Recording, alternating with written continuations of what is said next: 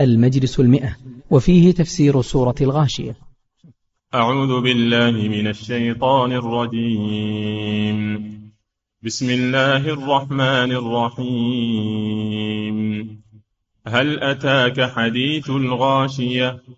وجوه يومئذ خاشعة عاملة ناصبة تصلى نارا حامية. تسقى من عين آنية. ليس لهم طعام إلا من ضريع. لا يسمن ولا يغني من جوع. وجوه يومئذ ناعمة. لسعيها راضية. في جنة عالية. لا تسمع فيها لاغية.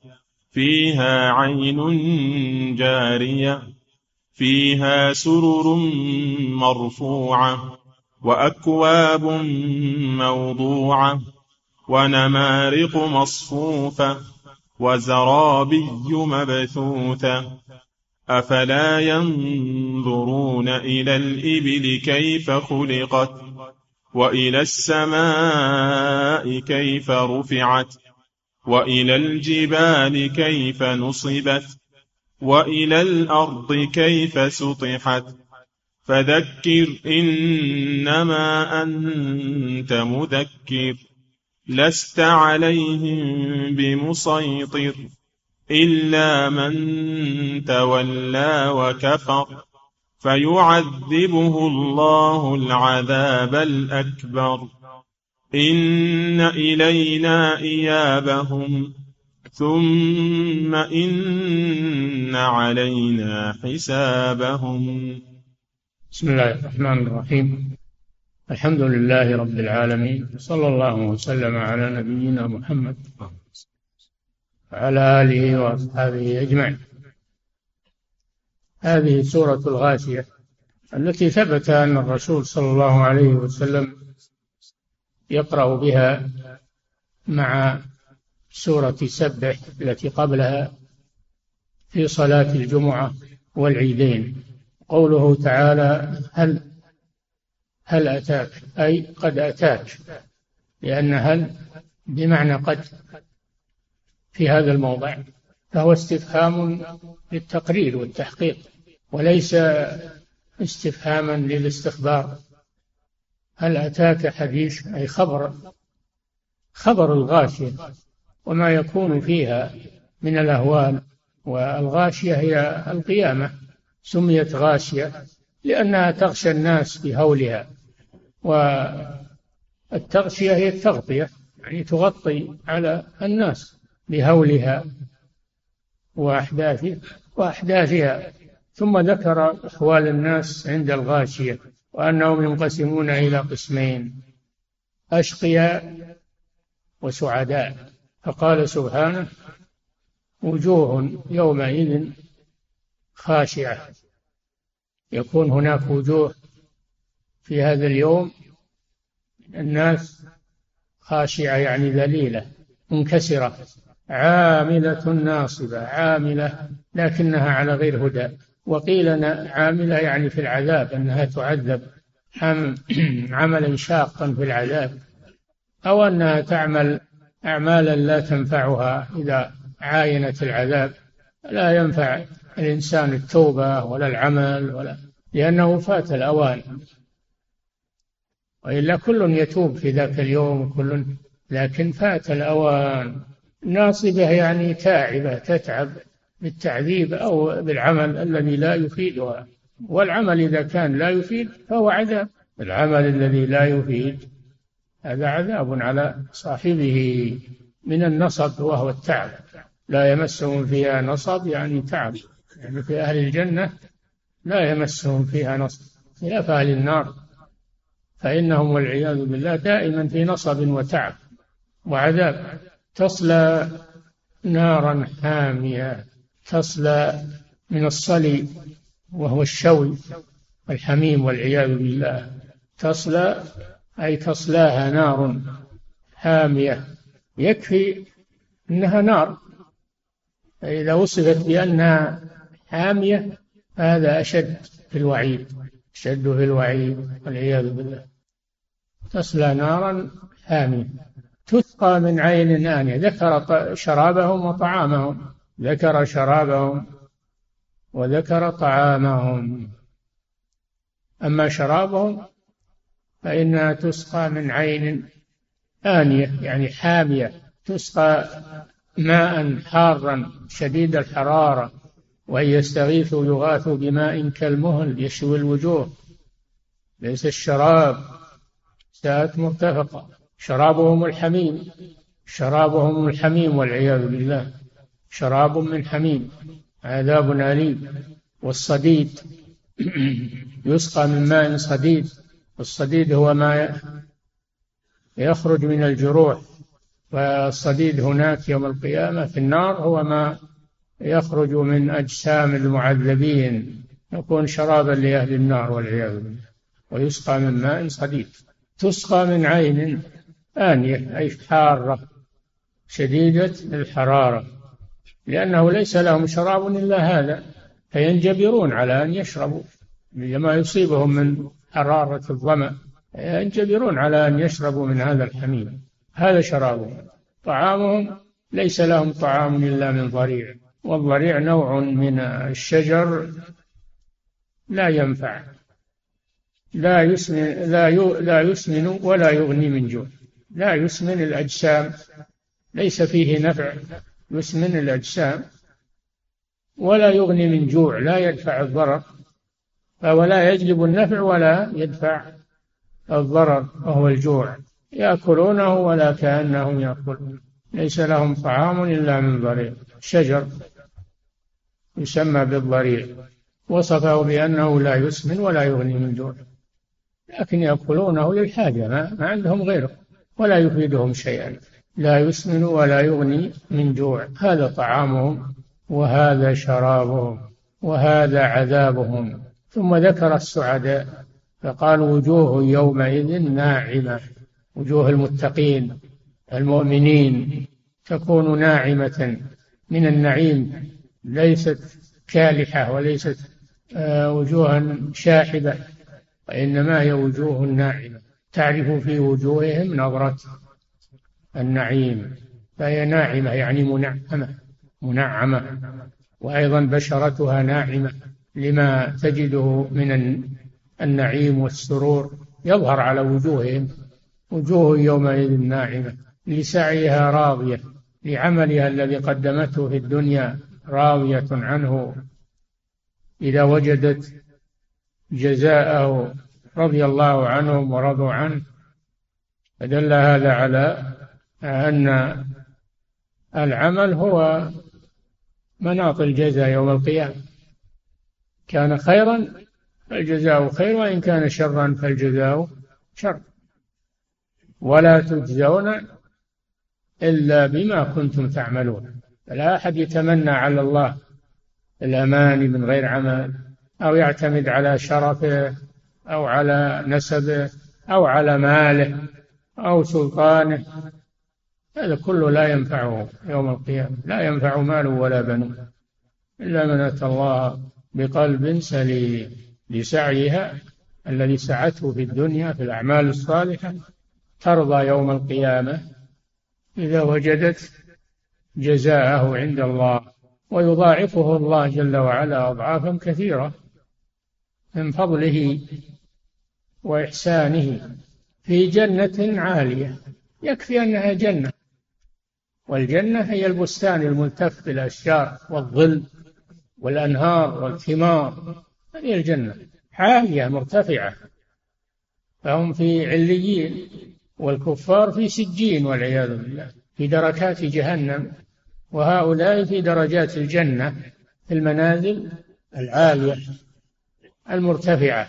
وسقفها عرش الرحمن سبحانه وتعالى. سقف الجنة هو عرش الرحمن. فلا أرفع من هذا المكان. في جنة عالية. لا تسمع فيها لاغية. لا تسمع في الجنة كلمة لاغية. لا فائدة فيها. أو كلمة فيها سب وشتم وسباب وغيبة ونميمة. لا ما في الجنة شيء من هذا. إنما فيها كلام الطيب والسلام بعضهم على بعض. يسلم بعضهم على بعض. لا يتشاتمون ولا يتسابون ولا إخوان. خلاف ما يكون في الدنيا من اللغو والكلام البذي وغير ذلك أو الكلام الذي لا فائدة فيه. لا تسمع فيها لاغية أي كلمة لاغية. واللاغي هو الباطل والذي لا فائدة فيه. كلام أهل الجنة كلام طيب. يستأنس بعضهم ببعض ويسلم بعضهم على بعض ويتجاذبون الكلام الطيب الذي يشرح الصدور ويؤنس النفوس. فليس في الجنة ليس فيها لغو ولا تأثيم. لا يسمعون فيها لغوا ولا تأثيما إلا قيلا سلاما سلاما. هذا الذي يسمعونه. لا تسمع فيها لاغية فيها عين أي أعين عين يعني أعين ليست عينا واحدة. هذا اسم جنس أي فيها أعين كثيرة لا يعلمها إلا الله. ومتنوعة الطعوم والروائح متنوعة. عين جارية تجري من غير أخاديد ومن غير تجري في الجنة يشربون منها ويستعملون مياهها. طيبة هي عين جارية. أيضا لا تنقطع فهي جارية. لا تنضب فهي جارية إلى الأبد هي عين جارية. هذا شرابهم وماؤهم وسقي أشجارهم فيها عين جارية. ثم ذكر مجالسهم فيها سرر مرفوعة جمع سرير. السرير هو الذي يجلس عليه فيها سرر مرفوعة مرتفعة في الجنة ليست واطئة لأجل أن يتنعمون فيها ويرتفعون عليها ويأنسون بها وأكواب جمع كوب وهي أواني الشراب جمع كوب وهي أواني الشراب وأب موضوعة. موضوعة لهم ميسرة لهم من أواني الجنة وأب موضوعة ونمارق جمع نمرقة وهي الوسائد الوسائد الوسائد تسمى نمارق. ونمارق مصفوفة تاخون عليها. وزرابي يعني فرش. الزرابي هي الفرش. زرابي مبثوثة في الجنة ما فيها شح ولا قلة. هي مبثوثة لهم وزرابي مبثوثة. هذا جزاء السعداء يوم القيامة. والسبب في هذا سعيهم الصالح في الدنيا لسعيها راضية. ثم ذكره وفصله بهذه الآيات في جنة عالية لا تسمع فيها لاغية فيها عين جاري فيها سرور مرفوعة وأكواب موضوعة ونمارق مصفوفة. وزرابي مبثوثة ثم إنه سبحانه نبه على آياته الكونية أو على شيء من آياته الكونية الدالة على قدرته والتي هي بين أيدي العرب وإلا فآيات الله كثيرة في الكون. لكن نبه على أشياء بين أيدي العرب المخاطبين أشياء يعرفونها أفلا ينظرون إلى الإبل؟ كيف خلقت؟ الإبل من آيات الله خلقتها وتركيبها وقوتها صبرها. ما فيها من المنافع الركوب والحلب والأوبار والشعور وما فيها من اللحوم التي يأكلون منها. أيضا هي على ضخامتها وقوتها مذللة. مذللة لها تصرف فيها الطفل الصغير يتصرف في الجمل الكبير. مذلل له. وذللناها أولم يروا أنا خلقنا لهم مما عملت أيدينا أنعاما فهم لها مالكون. وذللناها لهم فمنها ركوبهم ومنها يأكلون. ولهم فيها منافع ومشارب فلا يشكرون. الإبل. الأنعام يشمل الإبل والبقر. والغنم. هذه الأنعام. وهنا ذكر الإبل لأنها أقوى الأنعام. هي أقوى الأنعام فيها عبرة. أيضا أنها تناخ عند الحاجة إلى ركوبها أو الحمل عليها تناخ ولا تمتنع. خلاف بخلاف غيرها من الحيوانات كالحمير والبغال هذه لا تناخ إنما يحمل عليها وهي واقفة. أما البعير فإنه يبرك بطلب صاحبه ويحمل عليه وهو بارك ثم يقوم بالحمل. يقوم بالحمل. هذا من آيات الله سبحانه وتعالى في هذا الحيوان. أيضا ما فيها من الجمال. الإبل فيها جمال لكم فيها جمال حين تريحون وحين تسرحون وتحملوا أثقالكم. إلى بلد لم تكونوا بالغيه إلا بشق الأنفس.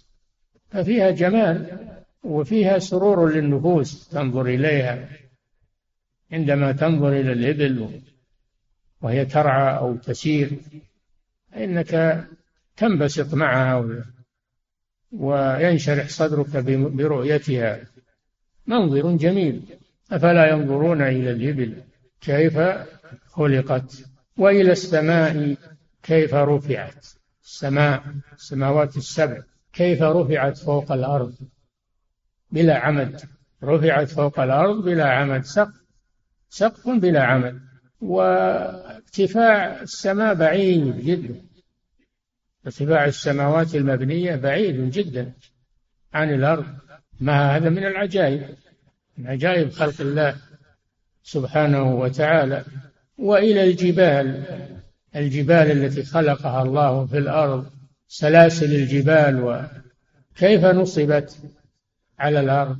الله جعل الجبال مثبتة للأرض عن الميدان لا تضطرب الأرض ولا تميت بسبب الجبال الراسيات. فهي أوتاد كما قال الله جل وعلا. أوتاد للأرض ورواسي شامخات ثابتة لا تتحرك. هذا من آيات الله. فالجبال من أعظم مخلوقات الله. وأيضا فيها منافع فيها منافع من المعادن وغير ذلك والحجارة فيها منافع للناس. لا لا تحصى. هذه الجبال فهي من آيات الله العظيم. وإلى الجبال كيف نصبت؟ وإلى الأرض كيف سطحت؟ الأرض كيف سطحت؟ يعني بسطت ومدت للناس ووسعت والأرض مددناها. وألقينا فيها رواسي وأنبتنا فيها من كل زوج بهيج فالأرض فراش للناس والأرض حرث للناس يحرثونها بأصناف المزروعات والأشجار والفواكه وفيها معادن متعددة لمصالح الناس معادن سائلة ومعادن جامدة لمصالح الناس. فيها نبات تنبت النبات والمراعي الأرض فيها عبر وفي الأرض آيات للموقنين. هل هذه الأمور وجدت بدون خالق وبدون مدبر كما يقول الطبائعيون والكفرة والملاحد؟ هذه لها موجد ولها خالق وهو الله سبحانه وتعالى فهي تدل على عظمة الله الذي خلقها. فهي آيات كونية فيها عبر ومواعظ فيها منافع. وإلى الأرض كيف سطحت؟ الله ذكر السماء وذكر الأرض وفي آية أخرى ذكر الكواكب. فهذه مخلوقات الله عز وجل أرض وسماء كواكب شمس وقمر. أهل الجهالة اليوم أهل أهل أهل الطبائع والطبيعة ما عندهم سماء مبنية. ما يقرون بهذا. يقولون المجموعة الشمسية. فالشمس هي هي المركز والأفلاك تدور عليها والنجوم تدور عليها. هذا مخالف للقرآن. الشمس كوكب من الكواكب تدور في فلك الكواكب تدور في أفلاكها على الأرض. تدور على الأرض. الأرض هي المركز. الله ذكر الأرض وذكر السماء وذكر الكواكب. كل شيء له خاصية. هذا في القرآن الكريم. هذا كلام الخالق الذي خلقها سبحانه وتعالى. أيهما نصدق؟ الجهلة الملاحدة أو نصدق كلام رب العالمين الذي خلقها سبحانه وتعالى؟ وإلى الأرض كيف سطحت؟ قد يورد بعض الناس إشكالا على هذا. وهو يقول أن الأرض ثبت أنها كروية ثبت أنها كروية وأن الأفلاك تدور عليها. الشمس والقمر والنجوم تدور على الأرض. هذا شيء مشاهد معروف. مشاهد ومعروف. وفي الآية وإلى الأرض كيف سطحت؟ نقول هذا لا يتنافى لا يتنافى أنها كروية وأنها مسطوحة ولا يحس الإنسان بكرويتها لكبرها وضخامتها ما تحس بهذا لأنها واسعة ضخمة. بخلاف الكرة الصغيرة فإنها فإنها ما يمكن تكون مسطوحة الكرة الصغيرة ما يمكن تصير مسطوحة لكن الأرض كونها كبيرة وممدودة واسعة لا يشعر بأنها كروية وهذا من آيات الله سبحانه وتعالى. هذا من آيات الله العظيمة. الدالة على قدرته. يقولون الأرض كوكب مثل الكواكب تدور على الشمس. وهذا غلط كذب. الأرض هي المركز والشمس هي اللي تدور على الأرض. الشمس والنجوم والكواكب هي التي تدور على الأرض. هذا شيء مشاهد. ما يرده إلا إما جاهل وإما مغالط. شيء واضح. الأرض ليست كوكبا. الأرض أرض والسماء سماء والكواكب كواكب. ثم قال سبحانه وتعالى فذكر أمر رسوله صلى الله عليه وسلم أن يذكر هؤلاء الكفرة أن يذكرهم ويعظهم وينصح لهم ويبين لهم ما يصلحهم وما ينفعهم ويبين لهم ما هم قادمون عليه من الجزاء والحساب. هذه وظيفة الرسول صلى الله عليه وسلم أنه مبلغ أنه مبلغ عن الله سبحانه وتعالى. مهمته التبليغ. إن عليك إلا البلاغ. وأما الهداية هداية القلوب فهي بيد الله سبحانه وتعالى. القلوب ملك لله لا يسيطر عليها إلا الله. هو الذي يهديها وهو الذي يضلها وهو الذي يبصرها وهو الذي يعميها بسبب كسب أصحابها. فالقلوب بيد الله سبحانه وتعالى. وأما البلاغ والبيان فهذا على الرسول صلى الله عليه وسلم. ولهذا قال الله له فذكر إنما أنت مذكر لست عليهم بمسيطر. هذا لله السيطرة عليهم لله. وأما التذكير والبيان والبلاغ فهذا من وظيفة الرسول صلى الله عليه وسلم. وقد بلغ البلاغ المبين. ترك أمته على البيضاء ليلها كنهارها. ما قصر في شيء عليه الصلاة والسلام. فذكر إنما أنت مذكر لست عليهم بمسيطر إلا من تولى وكفر إلا بمعنى لكن فهو استثناء منقطع كما يقولون استثناء منقطع. ليس ليس له اتصال بما قبله وليس استثناء مما سبق وإنما هو استئناف كلام إلا من تولى وكفر أي لكن من تولى من تولى عن قبول النصيحة وقبول البلاغ وكفر بالله سبحانه وتعالى فيعذبه الله العذاب الأكبر الذي هو عذاب النار. لأن العذاب في القبر هذا العذاب الأدنى. وأما العذاب الأكبر فهو في الآخر. ولنذيقنهم من العذاب الأدنى يعني في القبر أو في الدنيا دون العذاب الأكبر الذي هو عذاب الآخرة والعياذ بالله. فيعذبه الله العذاب الأكبر بسبب أنه تولى وكفر. لم يستمع للرسول صلى الله عليه وسلم وكفر بالله عز وجل. فهو الذي سبب على نفسه الشقاء سبب على نفسه الشقاء والعياذ بالله. بما كسبت يداه فيعذبه الله العذاب الأكبر. ثم قال سبحانه وتعالى إن إلينا إيابهم يعني رجوعهم إلينا يوم القيامة ثم إن علينا حسابهم. إن عليك إلا البلاغ وأما الحساب فهو عند الله. إن عليك إلا البلاغ وعلينا الحساب. حساب عند الله وهو الذي يحاسب عباده المطيعين والعاصين. هذا عند الله جل وعلا. علينا الحساب علينا حسابهم. حاسبهم يوم القيامة فيجزي المحسنين بإحسانهم ويجزي المسيئين بإساءتهم. وهذا عدل منه سبحانه ولا يظلم ربك أحدا. لا يعذب أحدا بغير عمله أو ذنبه. لا يعذب أحدا بغير ذنبه ولا ينعم أحدا بغير عمله. بعمل غيره لا ينعم أحدا إلا بعمله.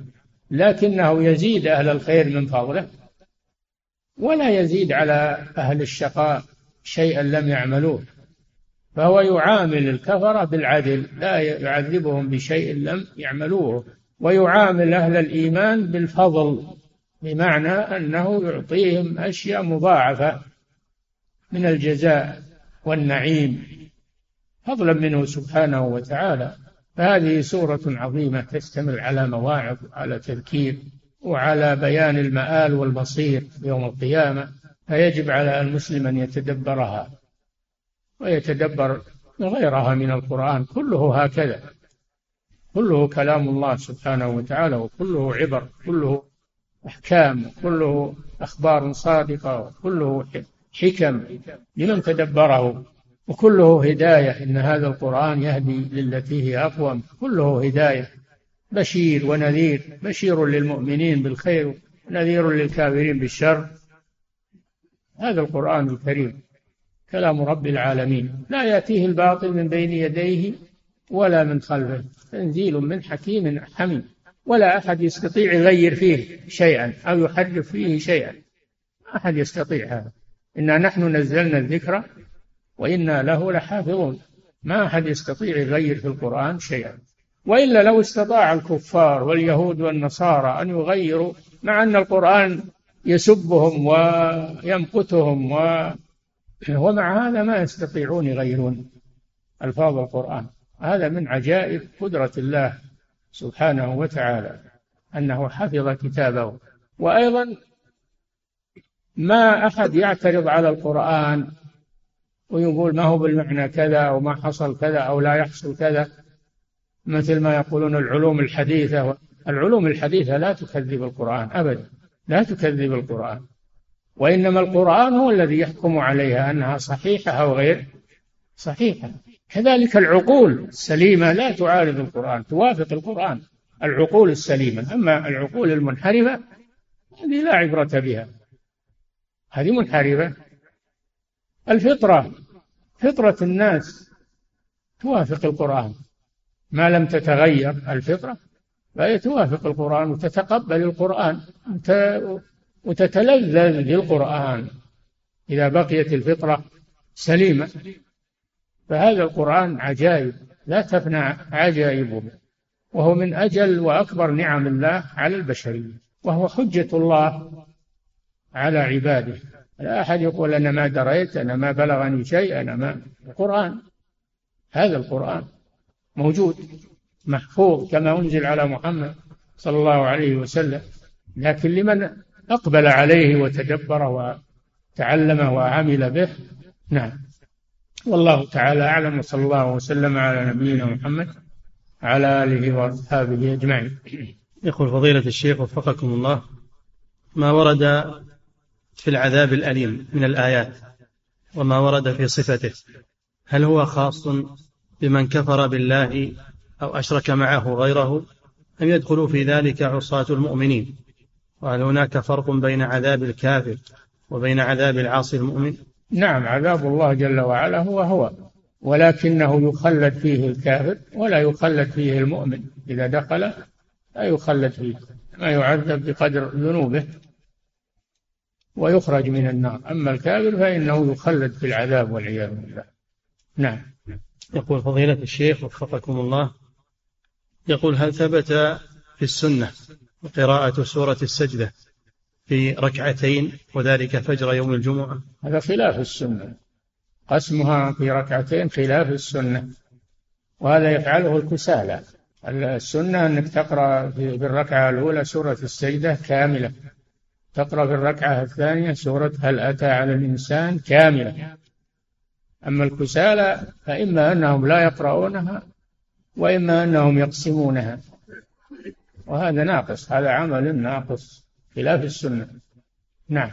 يقول فضيلة الشيخ وفقكم الله يقول كيف نجمع بين شرب المؤمنين من عيون الجنة وبين ما ورد عن نهر الكوثر الذي من شرب منه شربة لا يظمأ بعدها أبدا. نعم يشربون شراب تلذذ ويشربون ظمأ يشربونه لذة يتلذذون به يتفكهون به ولا يشربونه من ظمأ. نعم. يقول فضيلة الشيخ وفقكم الله في قوله سبحانه وتعالى فلا ينظرون إلى الإبل كيف خلقت. ما يسمى ما يسمى اليوم بمزاين الإبل. وأنها تباع بمبالغ طائلة هل يدخل هذا في التفكر والنظر؟ أما النظر في, في الإبل وتأملها هذا شيء طيب يعني للاعتبار. ما هو للمباهاة وإنما هو للاعتبار. وأما أخذ المسابقات عليها فهذا لا يجوز. هذا من القمار. لا يجوز هذا. نعم. يقول فضيلة الشيخ وفقكم الله بقوله سبحانه وتعالى بغير عمد ترونها. هل يقال بأن هناك عمد لكننا لا نراها؟ من قال هذا. ما نقول شيء ما عليه دليل ما نقول شيء ما عليه دليل ما نقول هناك عمد. ما نقول هناك عمد. إحنا ما ندري. نعم. يقول فضيلة الشيخ وفقكم الله بقوله سبحانه وتعالى عاملة ناصبة. هل ورد تفسير لأن المقصود بهم أصحاب البدع والفرق الضالة؟ قيل هذا قيل هذا والله أعلم. يراد بها الذين يعملون أعمالا غير مشروعة ويتعبون أنفسهم فيها ولا أجر فيها بل فيها عذاب.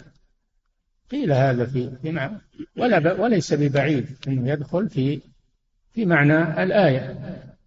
نعم. يقول فضيلة الشيخ وفقكم الله يقول هل صحيح أن سماحة الشيخ عبد العزيز بن باز رحمه الله كان يرى أن الأرض بيضاوية وليست كروية استدل بآية والأرض والأرض بعد ذلك دحاها. بيضاوية؟ نعم. إيش معنى بيضاوية؟ أنا ما سمعت الشيخ ولا قرأت له شيء في هذا إنما هو رد على الذين يقولون إن الأرض تسير وأن الشمس ثابتة. رد عليهم ردوده موجودة. نعم. يقول فضيلة الشيخ وفقكم الله من يقول إن الأرض ثابتة وأن الشمس تدور حولها. ما دليله على ذلك؟ يا أخي القرآن. سبحان الله ما دليله على ذلك؟ القرآن.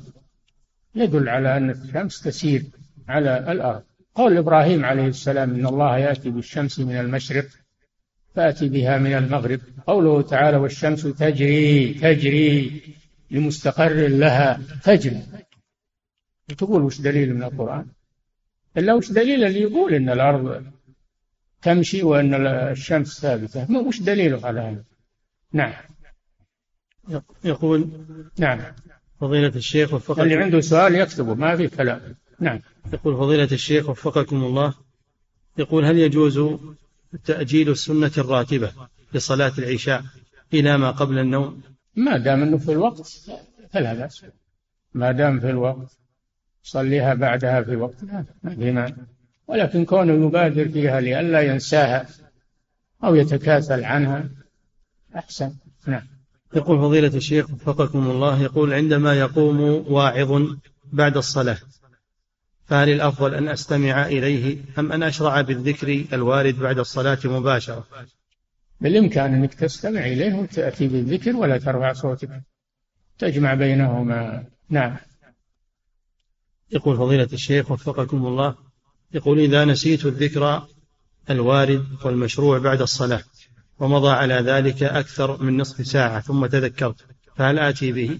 نعم ما دام الوقت باقي ما دام الوقت باقيا فإنك تأتي به نعم يقول فضيلة الشيخ وفقكم الله يقول السائل أمي توفيت وقد أوصت عند عند وفاتها أن تبقى أخواتي يدرسن خارج هذه البلاد. نعم عد أمي توفيت وقد أوصت عند وفاتها أن تبقى أخواتي يدرسن خارج هذه البلاد. وقد تبين لي ولوالدي أن بقاء أخواتي في تلك البلاد ودراستهن هناك ليس في مصلحتهن. سؤاله هل يجوز عدم تطبيق هذه الوصية؟ نعم هذه الوصية فيها ضرر. ولا يجوز العمل بها وفيها ضرر على البنات.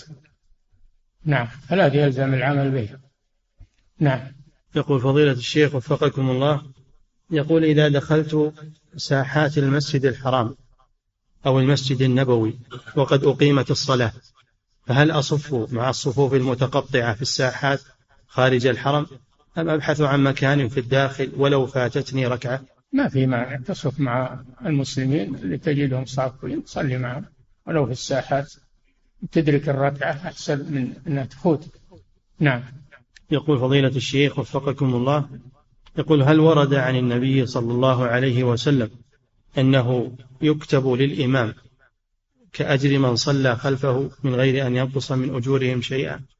نعم الإمامة فيها فضل عظيم لمن قام بواجبها. وقد قال صلى الله عليه وسلم الإمام ضامن. الإمام ضامن. يعني يضمن صلاة من خلفه إذا حصل خلل بسببه يضمن هذا الخلل. وإن أحسن الصلاة فله أجر أجر من خلفه. قال صلى الله عليه وسلم يصلون لكم فإن أحسنوا فلكم ولهم وإن أساءوا فلكم وعليهم. نعم. يقول فضيلة الشيخ وفقكم الله يقول ما حكم بيع وشراء البضائع المقلدة. ها؟ يقول ما حكم بيع وشراء البضائع المقلدة مثل الساعات والأقلام وغيرها؟ تبينها ما في مانع تبيع وتشتري بها لكن تبين أنها تقليد وليست أصلية وأن سعرها أخفض من سعر سعر الأصلية. أما اللي يكذب على الناس ويبيعها على أنها أصلية ويأخذ ثمن الأصلية وهي تقليد هذا غش. قال صلى الله عليه وسلم من غشنا فليس منا نعم. إذا كان المشتري ما يدري بين له وتراها تقليد. ما يأخذها يظنها أنها أصلية ويسلم ثمن مرتفع وتستغل جهله بهذا. يجوز هذا. هذا غش. نعم. وكذلك يقول حفظك الله يقول وهل من اشترى بضاعة مقلدة كساعة مقلدة أصلها غالي. هل يدخل هذا في حديث النبي صلى الله عليه وسلم؟ من تلبس بشيء ليس فيه ألبسه الله يوم القيامة ثوب يزور؟ لا هذا يدخل في إضاعة المال. يدخل في إضاعة المال أنه يشتري شيئا مقلدا ورخيصا بثمن غال من أجل يقول للناس هذا شاري كذا وكذا. هذا من إضاعة المال ومن أيضا التغرير بالناس. نعم. يقول فضيلة الشيخ وفقكم الله يقول هل لا بد من الترتيب في كفارة اليمين؟ ومن هو المسكين الذي يطعم؟ الترتيب بين آه، كفارة اليمين فيها ترتيب وفيها تخيير وفيها ترتيب. فيها تخيير وفيها ترتيب. تخيير بين الخصال الثلاث طعام عشرة مساكين أو كسوتهم أو تحرير رقبة. هذه مخير فيها. فمن لم يجد واحدة من هذه الثلاث فإنه ينتقل إلى الصيام. هذا الترتيب. لا ينتقل إلى الصيام وهو يقدر على التكفير بإحدى الخصال الثلاث. نعم. يقول حفظك الله. بقية السؤال. ومن هو المسكين الذي يطعم؟ المسكين هو الذي عليه نقص في كفايته لا يجد شيء أو يجد قليلا من الكفاية. هذا المسكين. نعم. يقول فضيلة الشيخ وفقكم الله يقول إذا أطعمت مسكينا واحدا عشرة أيام هل يجزئ ذلك في الكفارة؟ يجزي عن واحد وباقي عليك تسعة. لو تجي لو تطعمهم مئة يوم أو سنة كاملة ما أطعمت إلا مسكينا واحد وباقي عليك تسعة. نعم. يقول فضيلة الشيخ وفقكم الله من استهزأ بشيء من كتاب الله أو سنة رسول الله صلى الله عليه وسلم وكان جاهلا. هل يكفر بذلك أم يعذر بجهله هذا أول شيء الجاهل يجب يتأدب مع القرآن ولا يدخل فيه بالجهل يتأدب مع القرآن ولا يدخل بجهل في معاني القرآن ويتنقص القرآن. والعياذ بالله كفر. فعلى المسلم أنه يخاف من هذا الأمر. يحترم القرآن. الجاهل يتوقف. الجاهل عليه أنه يتوقف ويتأدب. نعم. يقول فضيلة الشيخ وفقكم الله بقول النبي صلى الله عليه وسلم إذا أذنب العبد نكت في قلبه نكتة سوداء. قوله عليه الصلاة والسلام إن القلب يصدأ كما يصدأ المربد. سؤاله هل النكتة والصدع هي معنوية أم حسية؟ كلها أمراض. الصدى مرض والنكتة مرض. أمراض متنوعة للقلب عليه أنه يعتني بقلبه بالتوبة والطاعة وتلاوة القرآن حتى والتوبة هي علاج النكتة السوداء تزيلها. وإذا لم يتب زادت النكتة زادت زادت حتى تغطي على قلبه. نعم. يقول فضيلة الشيخ وفقكم الله يقول ماذا يعمل بالمشيمة التي تكون مع الطفل الذي توفي؟ هل تدفن معه؟ لا تدفن في أرض. تدفن معه. يعني مات الطفل نعم. لا ما تدفن معه. تدفن وحدها في في أرض. تدفن في أرض بغير المقبرة. نعم.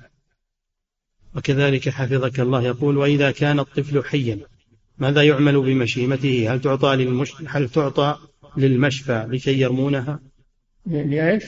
للمستشفى لكي يرمونها. لإيش؟ يرمونها. لا. المستشفى ما ي... ما يبالون بالأطفال الميتين ولا يبالون بهذه الأمور. هو هو يأخذها ويدفنها في مكان خارج المستشفى. نعم. يقول فضيلة الشيخ وفقكم الله يقول متى ينتهي حفظ العبد إذا قال أذكار الصباح؟ هل هو من غروب الشمس أم من بعد صلاة العصر؟ اللي يصلي صلاة الفجر في جماعة يكون في ذمة الله حتى يمسي. هذا عظيم هذا ثواب عظيم. ما صلاة الفجر في جماعة هي الورد. وإن زاد عليها ورد من الأذكار فهو زيادة خير. عليه أن يصلي الفجر في جماعة حتى يكون في حفظ الله وكلاءته حتى يدخل في المساء. دخول في المساء يكون بزوال الشمس بزوال الشمس. ثم يأتي بالورد بعد بعد الزوال أيضا للمساء. نعم. يقول فضيلة الشيخ وفقكم الله رجل يصلي الفجر يوم الجمعة في الجامع ثم يحجز مكانا ويخرج وبعد عدة ساعات يرجع إلى هذا المكان الذي حجزه. هل يجوز له هذا؟ لا هذا ما يجوز. ما يحجز المكان في المسجد إلا إذا كان يبي يجلس في ناحية المسجد. أو يبي يخرج يتوضأ أو لحاجة خفيفة ويرجع قريبا. أما يروح وقت طويل فلا يحجز المكان عن الناس اللي يدخلون المسجد قبله. نعم. يقول فضيلة الشيخ وفقكم الله إذا بدأ القارئ من سورة النساء ثم البقرة ثم آل عمران ثم استمر فهل يعتبر هذا ختمة؟ إذا إذا قرأ القرآن كله هذه ختمة لكن كونه يبدأ من من البقرة وينتهي بسورة الناس هذا أحسن لأن ترتيب السور مستحب أو واجب عند بعض العلماء. لكن لو أنه خالف وقدم بعض السور على بعض فلا مانع. نعم. يقول فضيلة الشيخ وفقكم الله المجاهد إذا قتل قتيلا من الكفار وعليه بعض الذهب والأموال في ملابسه فهل يعد هذا سلبا؟ لا. الذهب والأموال هذه تكون من الغنيمة أما الثوب والسلاح هذا هو السلب نعم. فضيلة الشيخ وفقكم الله يقول علمنا في درس البارحة أن الفارس له ثلاثة أسهم. إذا ك... فإذا كان المقاتل على الإبل فهل يقاس على الفارس؟ ما ما أعرف شيء ما ورد ما أدري. نعم. يقول فضيلة الشيخ وفقكم الله يقول هل الردة قبل الدخول بالمرأة. تفسخ العقد ويجب تجديده؟ هل الردة قبل الدخول بالمرأة تفسخ العقد فيجب تجديده؟ نعم. إذا ارتد والعياذ بالله. انفسخت زوجته ووجبت استتابته فإن تاب وهي في العدة ترجع إليه.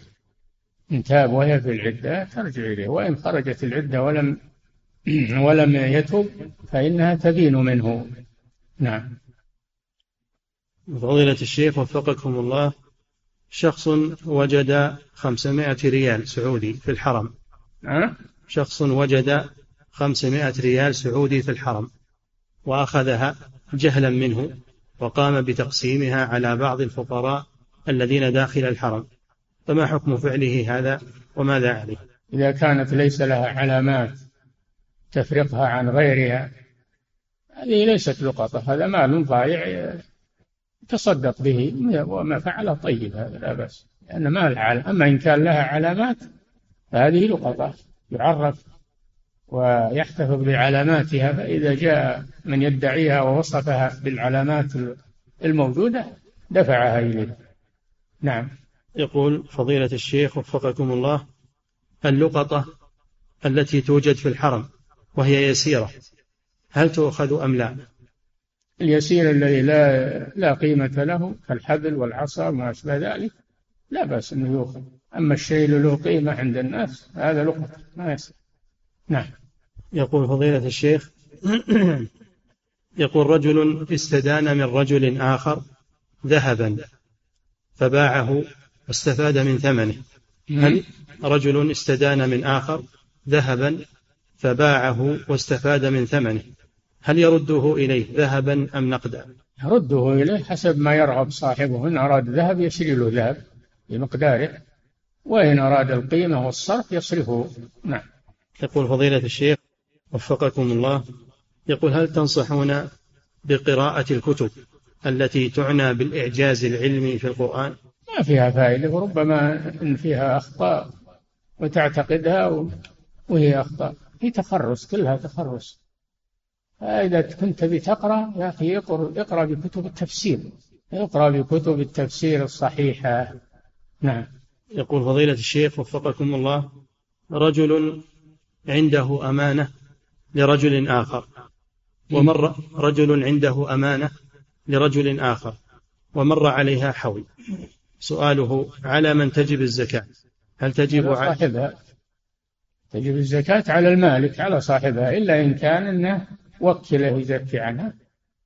إذا وكله يزكي عنها. أما إذا لم يوكله فزكاتها على صاحبها وهو عليه حفظها فقط. نعم. يقول فضيلة الشيخ وفقكم الله. يقول كيف نجمع بين قول النبي صلى الله عليه وسلم من بات حارسا في سبيل الله لم تمسه النار أو كما قال عليه الصلاة والسلام وبين ما ورد من قوله سبحانه وإن منكم إلا واردها. هذا المرور على الصراط ما هو مس النار هذا المرور على الصراط. يمرون على قدر أعمالهم نعم. يقول فضيلة الشيخ وفقكم الله هل من يكون بينه وبين جاره سوء تفاهم؟ هل من يكون بينه وبين جاره سوء تفاهم؟ وحصل بينهم زعل وغضب.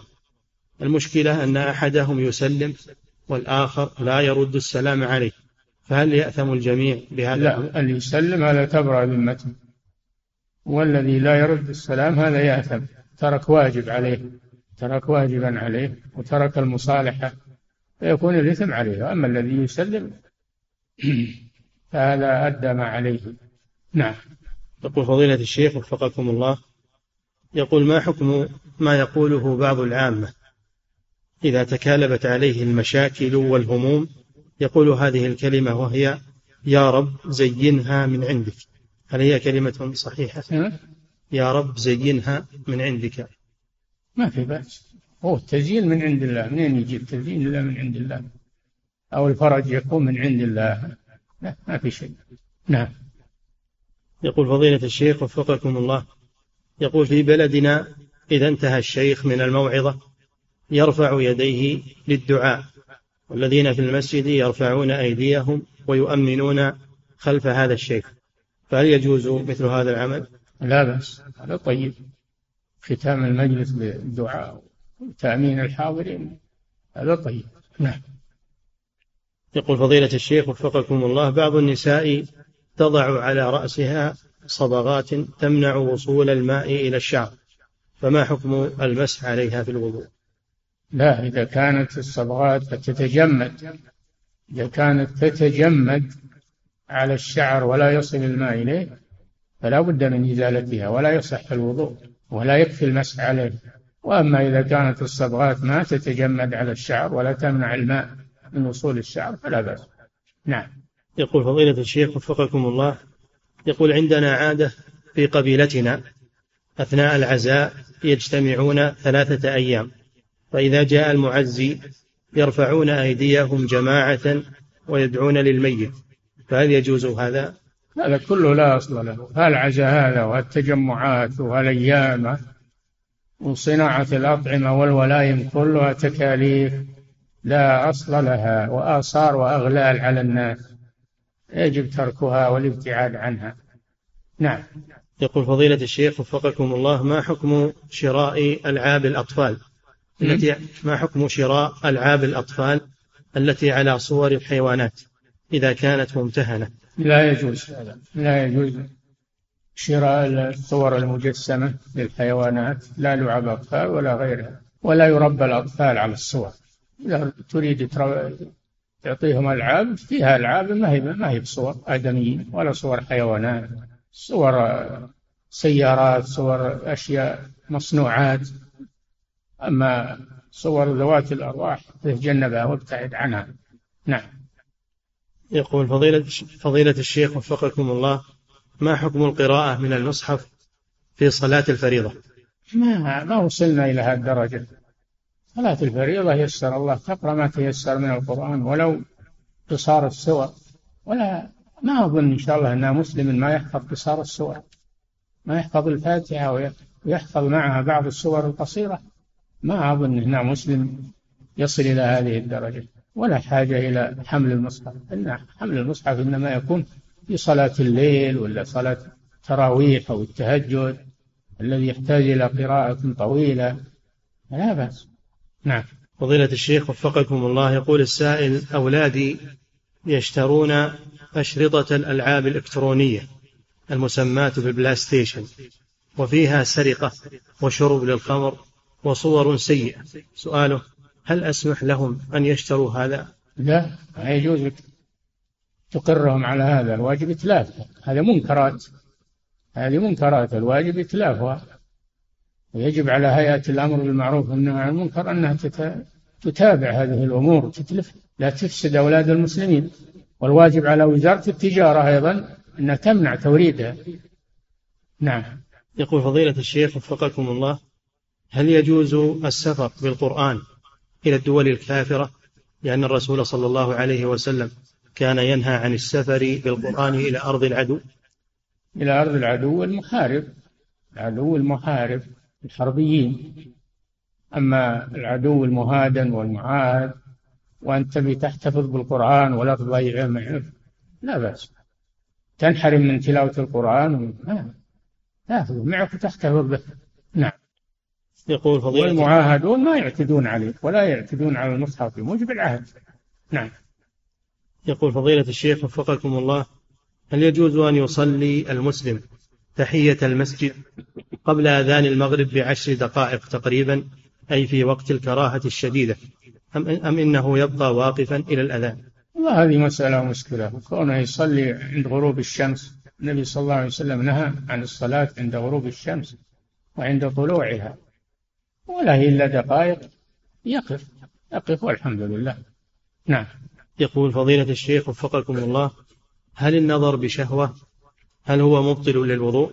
إذا خرج منه شيء إذا خرج منه مذي ولا مني فهو مبطل. أما إذا لم يخرج منه شيء فهو حرام لكن لا ينتقض وضوء نعم.